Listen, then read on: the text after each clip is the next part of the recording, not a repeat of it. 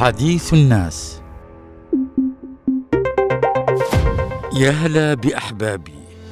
معظم الناس ما زالت تتحدث حتى هذه اللحظة عن معاناتهم من استمرار أزمة المياه. طبعا ما ننساش إنه آه، برضو في مناطق الأمور عندها على ما يرام بالنسبة لتوفير المياه طيبة يعني.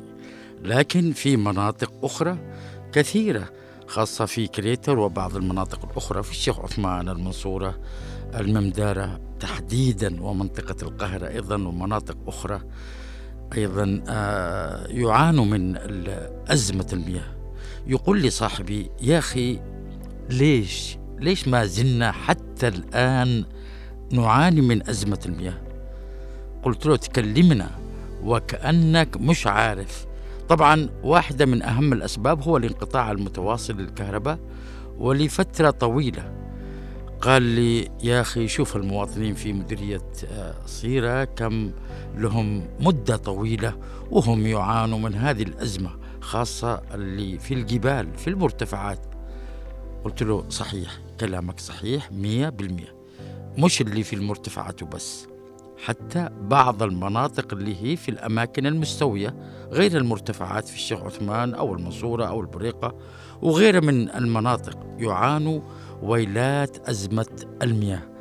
قال لي صاحبي مش ذا وبس في مناطق في الشيخ عثمان مثل المدارة أحيانا عندما تحصل أمطار غزيرة ويحصل طفح للمجاري تختلط المجاري بمياه الشرب وهذه طبعا مسألة لابد من التنبه له كثير. صار المواطن يعاني من هذه الأزمة يعني معاناة شديدة جدا. وتح... وهناك مشكلة حدثت برضه أثناء الأمطار وأثناء طفح آه، مياه الصرف الصحي أدت إلى اختلاط مياه الصرف الصحي بمياه الشرب. لاحظتم كيف يا أخواني؟ ذا الكلام طبعا مش من عندنا لكن الواقع يحكي عن هذه الحالة الخطيرة التي تكون نتائجها وخيمة فاختلاط مياه المجاري بمياه الشرب مسألة لابد من إنهاء أسبابه أولا ومعالجة الأزمة أزمة المياه برمتها.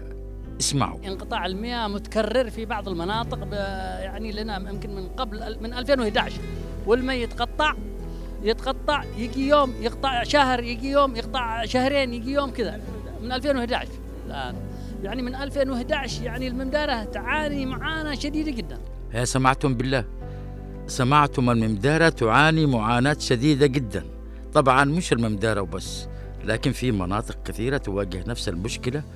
الماء ذا ما فيش ما فيش تماما. يعني ما فيش عندنا مي المي عندنا مقطوع نهائيا. أتمنى نطفى المي من فين نجيبها. والله بالفعل مشكلة المياه أرقت الناس كثير جدا.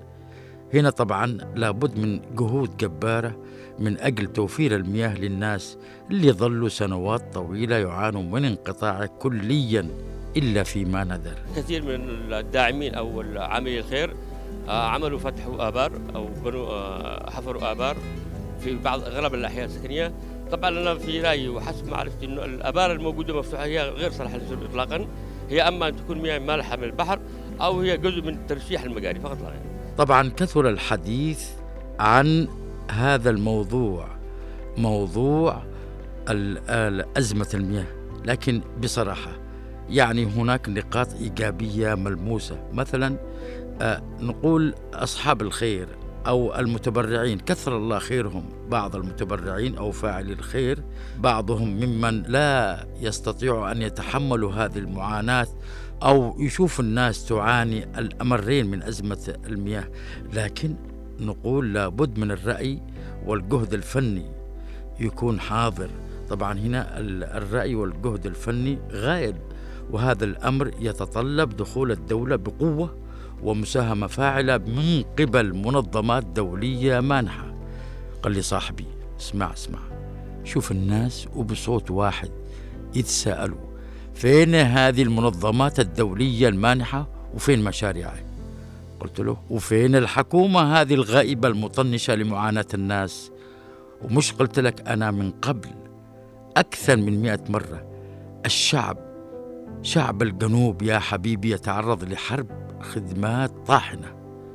المهم الحكومة نايمة والمنظمات حسب علمي مشاريع باين أنها طلعت في شنك بسبب فساد الحكومة.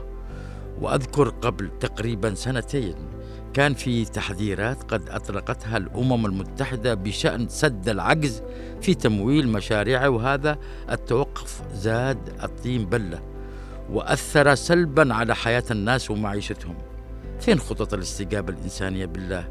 أين خطط الاستجابة الإنسانية للأمم المتحدة وفين مشاريع الحكومة الخاصة بالمياه إذا اليوم لابد من وقفة جادة لكل صناع القرار والشرفاء في الجنوب لإنقاذ الناس وإحياء مشاريع المياه والقيام بحفر الكثير من الآبار ومعالجة مشكلة الصرف الصحي وإيجاد مناهل خاصة بتصريف مياه الأمطار حتى لا تتكرر مشكلة اختلاط المجاري بمياه الشرب ويا دار ما دخلك شر مش كده ولا لا؟